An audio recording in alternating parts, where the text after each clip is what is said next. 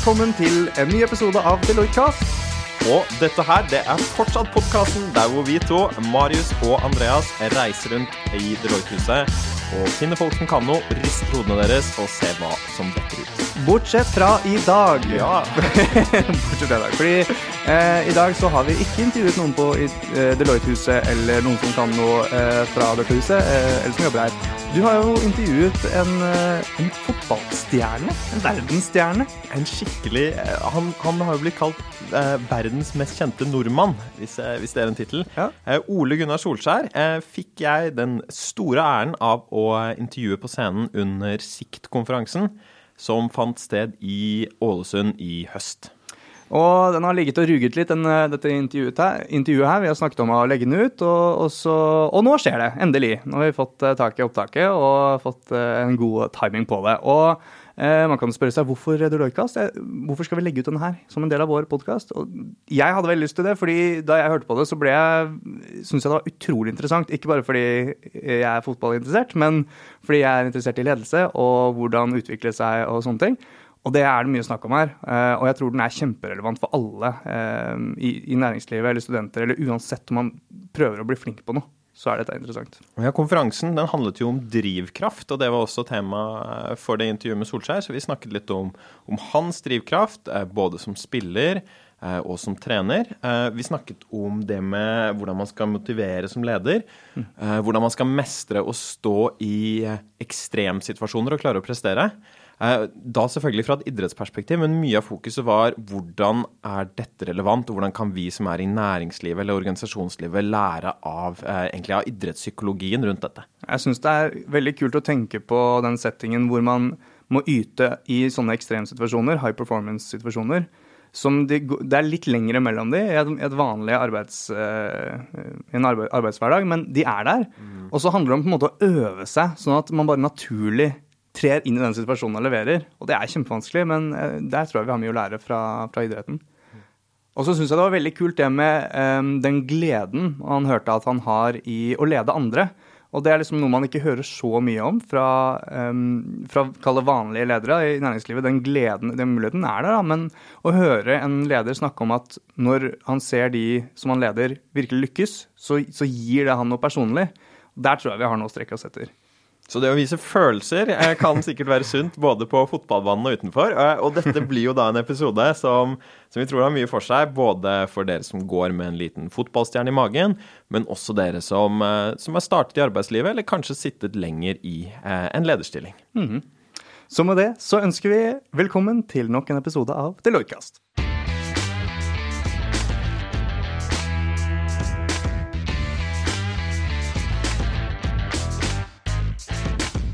Vel- Velkommen til deg først. Ja. Tusen takk for at du kunne komme. Bare hyggelig. Eh, litt som Fantomet, for å begynne der, da, så er jo du kjent med mange navn. Eh, du har vært Norges mest kjente nordmann, har jeg hørt deg omtalt som. Mannen som aldri blir gammel. Du var en av de tre s-ene eh, i Molde. Ja. Eh, og eh, hva var det du ble kalt? Sunny, eller Solscar, i Manchester Ja. United? ja. Babyfaced assassin. Ikke minst. Jeg hadde ganske mange, ja. Det, ja, men det er jo ganske positivt, tror jeg. Jeg har ikke hatt så veldig mange negative, annet enn at jeg ser ganske ung ut. Men det grå håret det begynner å ta Da skjønner folk at jeg er for gammel til å sitte på den sida, man må sitte her.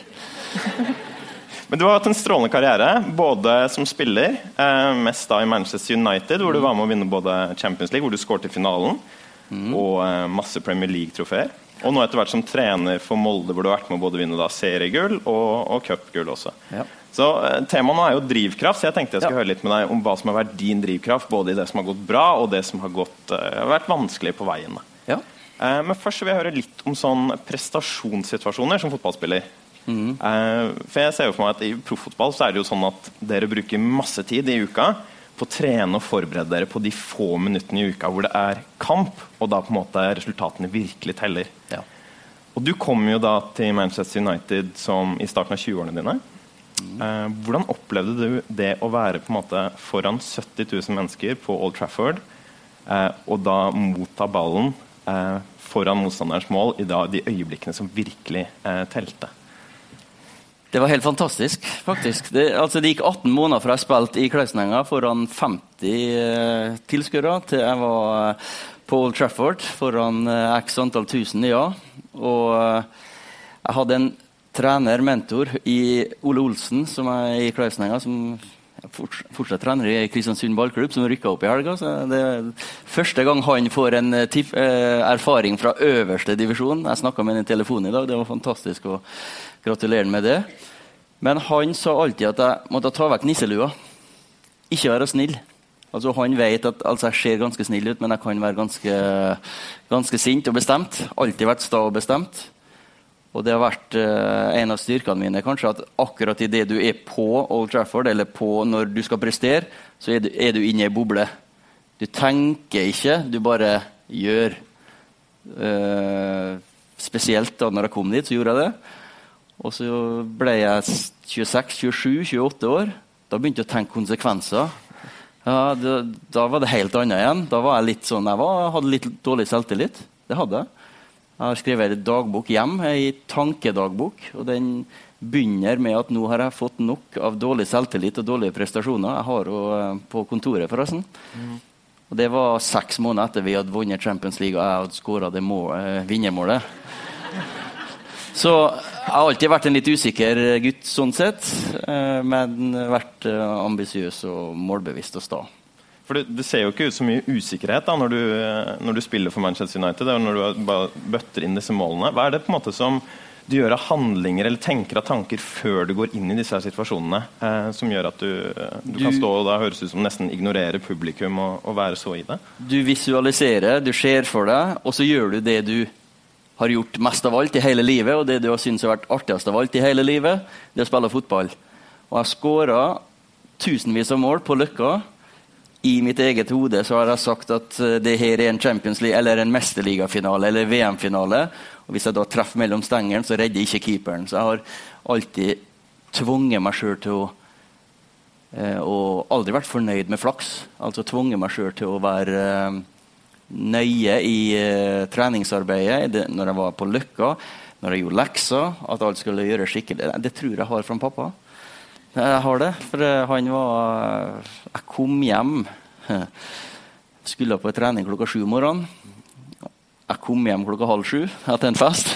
da satt han opp med kaffekoppen sin. og det tror du det her er måten å bli god på? Jeg var, jeg var kanskje 18-19 år var rundt den perioden der. Og da har jeg vært ja, ganske strikt etter det, for å si det sånn. han kjefta aldri, men han bare så på det og en kommentar, og så that's it. Skjønner. Så, som fotballspiller, Når jeg på en måte ser på en sånn fotballspillerkarriere, da, for disse ja. proffene, så ser det jo litt ut som en sånn stige som du skal oppover hele tiden. Ja. Og når du på en måte mestrer ett trinn, mm. så flyttes du jo brått opp til det neste, men hvor det er på en måte bedre både medspillere og motspillere, og kanskje enda vanskeligere å da skille seg ut. Um, hvordan opplevde du på en måte det å stadig bli flyttet fra opp til Molde og så videre til Manchester United hele tiden? Det, det, ble bare lettere og lettere. Jeg fikk bedre og bedre medspillere. Som, jeg, jeg, har aldri vært en verdens beste fotballspiller, eh, sånn generelt, men jeg har alltid i mitt hode vært den beste til å skåre mål. Altså det som er viktig i fotball. Og jeg har alltid som sagt, visualisert og alltid vært forberedt på at når jeg får ballen, så skal jeg gjøre det her. Og da var det ikke Kenneth Olsen som slo pasninga, det var David Beckham eller Erik Cantona. Og da Jeg måtte bare gjøre ting og tenke litt fortere og ta avgjørelser litt fortere, men jeg brukte de, de samme ferdighetene. Så det, det, har gått veldig greit, egentlig. det var bra. Ja, ja, så det er bare det... det må alltid tro man er best, så kommer man ganske langt med akkurat det. Nei, du skal ikke tro at du er best, men du skal være, du skal være sikker på at det at det du gjør, at du har vært gjennom det, og at du, du, du må ha tro på deg sjøl òg. Mm. Men jeg, som sagt, jeg har vært en veldig usikker gutt. Så når jeg var midt ute på banen, hvor det er veldig langt unna mål, og det kommer en pasning, og du, får, du, tenker på idet den pasninga kommer mot deg, og så går den under foten din altså, så tenk, Hvor mange ganger jeg har tenkt at han Ferguson kjefter på, på benken, at han drar meg av. At nå, blir, altså, nå må jeg sikkert av. Utpå der var jeg veldig usikker, men til nærmere kom mål Ingen problem. Da, ja, ingen som kan det bedre enn meg, sa jeg til meg sjøl. Og mm. har det ganske den tror jeg har uh, fortsatt uh, ganske intakt. Ruud van Nistelrooy var den beste avslutteren jeg spilte sammen med, men er fortsatt ikke like god som meg. Litt takk over. ja. ja, det var han ikke. Det var han ikke. Uh, vi, vi, snakket litt utenfor om at, ja. at, det, ganske, det, gikk ganske lang tid før du visste at fotballspillet var liksom det du virkelig skulle gå, gå for. Ja. At du var 19 år eller noe, ja. noe sånt. Hva på en måte var det som var drivkraften som gjorde at du fant ut at det, det var liksom din uh, greie? Jeg har alltid vært fotballidiot og vært interessert i fotball. Også, men aldri drømt kanskje udrømt, men aldri tenkt at jeg skulle spille i Tippeligaen eller på landslaget eller i Manchester United. Men jeg ville se hvor god jeg kunne bli. Hvor langt kan jeg nå? Altså, pappa var en bryter. Og han har bare sett utklippsbøkene hans. Han var norgesmester i seks år på rad og var et lite forbilde for meg. Og så skulle jeg se hvor, ja, hvor, langt, hvor god kunne jeg bli, og hvor langt tok det meg. Det, for vi har alle forskjellige forutsetninger. Det, det er ikke alle som Altså En su suksess for uh, Klausnenga fotballklubb er noe annet enn suksess for uh, Manchester United. Det er det samme som at suksess for Ole Gunnar Solskjær. Mm. Det er helt annet enn suksess for Wayne Rooney. Han er jo mislykka nå eh, når han eh, sitter på benken et par kamper. nå, det er han en failure. Mens hvis jeg kom innpå fra benken og spilte i ti minutter og var borti ballen én gang og skåra, så var jeg en suksess. Så ja, Vi er forskjellige, men for meg så var det bare Hvor god kan du bli? Og men gi alt. Vet du at jeg har ingen andre å skylde på. Ser sjøl i speilet når du er ferdig at det, det Og da var jeg fornøyd, for det, jeg har aldri skyldt på noen andre. Aldri han treneren var dårlig eller han medspilleren var dårlig. Det har jeg aldri gjort. Selv ikke i de tidene som har vært veldig vanskelige, hvor man på en måte kanskje har stanget litt og ikke alt har gått som det vil? Hvordan er det på en måte man har jeg har aldri skyldt, aldri skyldt på noen. Jeg har heller gått internt og sett på meg sjøl. Sånn er det nå. Når jeg i Molde, hvor vi sliter litt, mm -hmm. så må jeg jo se på hva har jeg gjort galt. Jeg kan ikke se på spillerne mine at de er, eh, har vært dårlige eller mislykka. Det er jeg som er motivat motivatoren deres, mentoren deres. Eh, jeg som skal få frem selvtilliten i dem. De skal ikke være like redd for meg som jeg var for Ferguson, tenkte jeg å si, midt ute på banen. De skal slippe seg løs, de skal spille fotball. De skal, de skal, gjøre det som er artigst av det som er Eller det som for dem er det viktigste av det som ikke er viktig i livet. Vi hørte på ei her som, har, eh, som snakker om det som er viktig, noe som er viktig i livet. Jeg er så heldig at jeg har med fotball å gjøre, og det er jo en lek. Det er jo en lek. Og jeg gleder meg like mye til å trene gutten min som er gutte 16. Vi ble kretsmestere i går, forresten. og, eller gutt, og han uh, yngsten min, som er åtte. Eller om jeg drar til Molde og trener dem. Eller når jeg var i Cardiff og trena dem, selv om det var litt tøffere. For det var litt mye penger for spillere som kanskje ikke fortjente. For da er det helt annen drivkraft. Jeg følte at drivkraften der ofte var at de kom inn, ble trent, og så gikk jeg hjem og så, så dem på lønnskontoen lønnsslippen etterpå.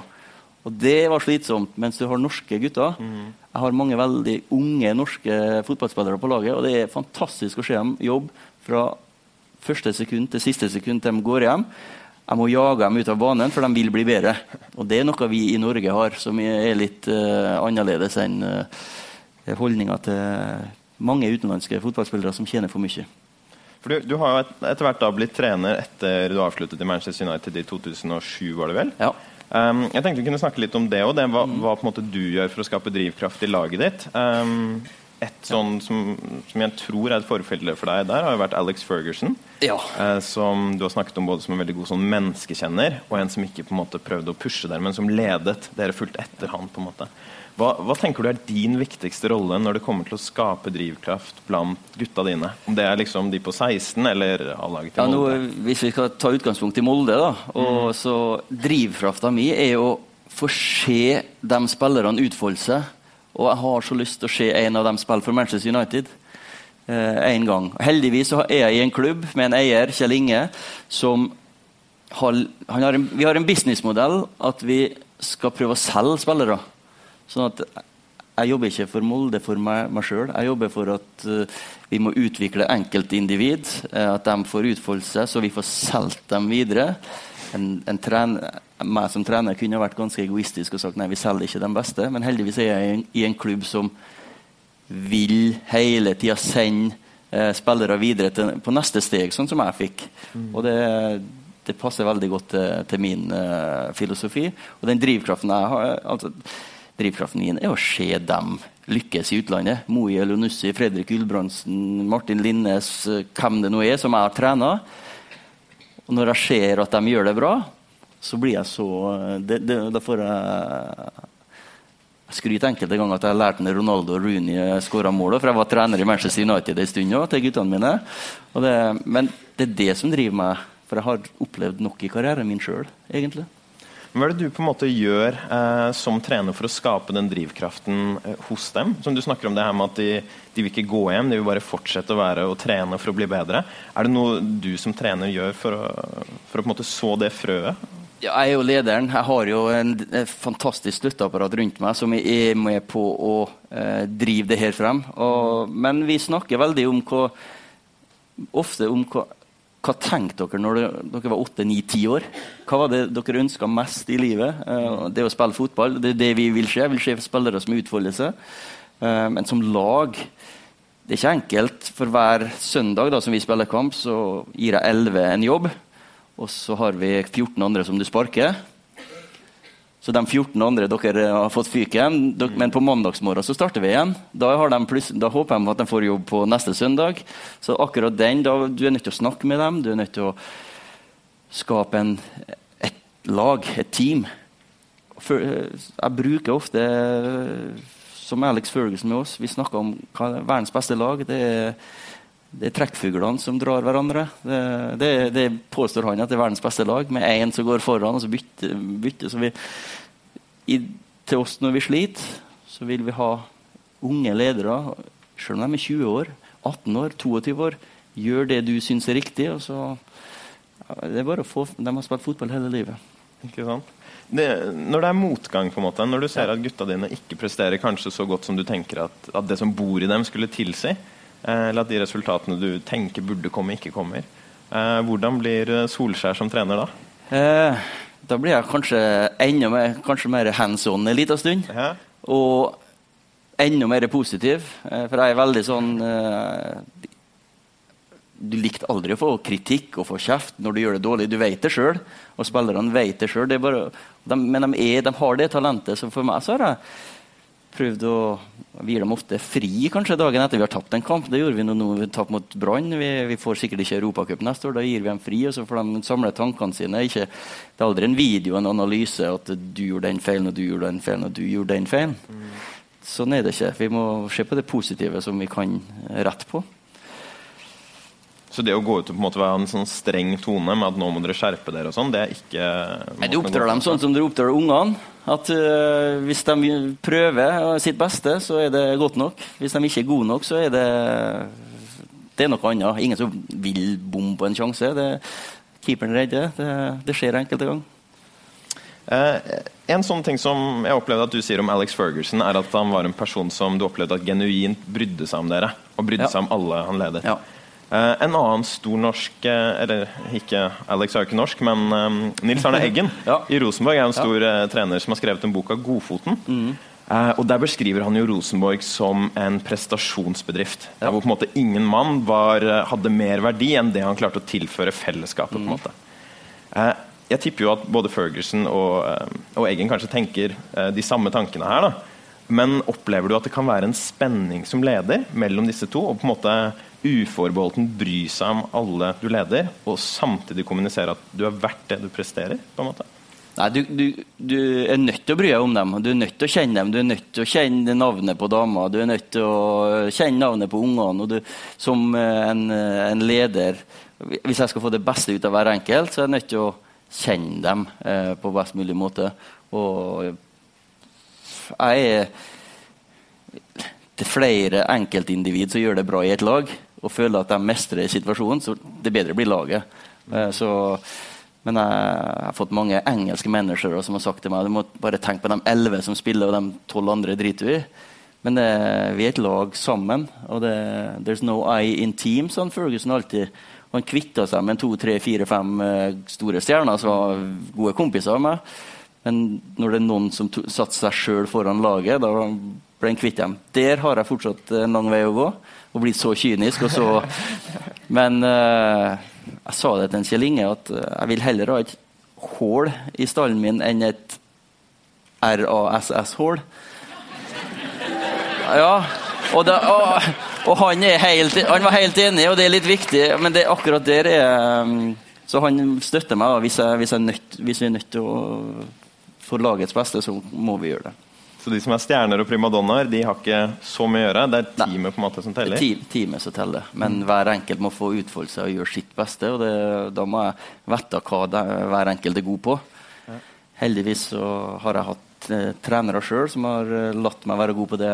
Aldri krevd mer enn det jeg kunne. Og det prøver jeg å ikke gjøre med mine.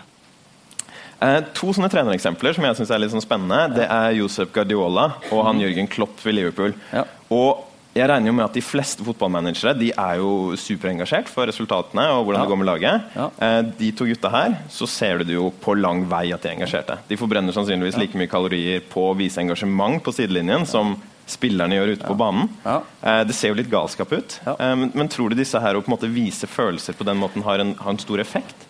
Det er nok deres personlighet, og du ser at de tar veldig mye på spillerne. er veldig glad. Jeg er uh, litt annen sånn Ja, jeg er glad i spillerne mine, men jeg er, en annen, jeg er ikke en sånn utadvendt personlighet. Jeg går ikke jeg, Veldig sjelden jeg likte å være midtpunktet i, i en forsamling. Jeg har vært et uh, heller forbilde som et godt eksempel. og uh, de vet at jeg er glad i dem.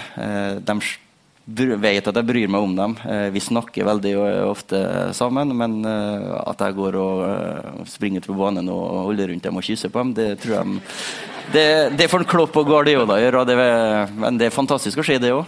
Så ja, Kjærligheten vises på andre måter? Altså. Ja, jeg tror, jeg tror de vet at jeg elsker dem, for å si det sånn. På, det er, sammen så er vi, er vi sterkere, og som sagt den dagen jeg ser en, altså du ser gleden i fotballspillerne Det er det fotball handler om. At de er utpå der og gleder seg og har det kjekt. Det er aldri det, Alt det andre store businessen rundt fotball, det bryr jeg meg ikke om. Det er beautiful game for meg. Eh, det er jo mange her i salen eller det, er, jeg tror ikke så mange her i salen som er toppadleter. Det er kanskje noen her. Eh, vil jeg ta feil?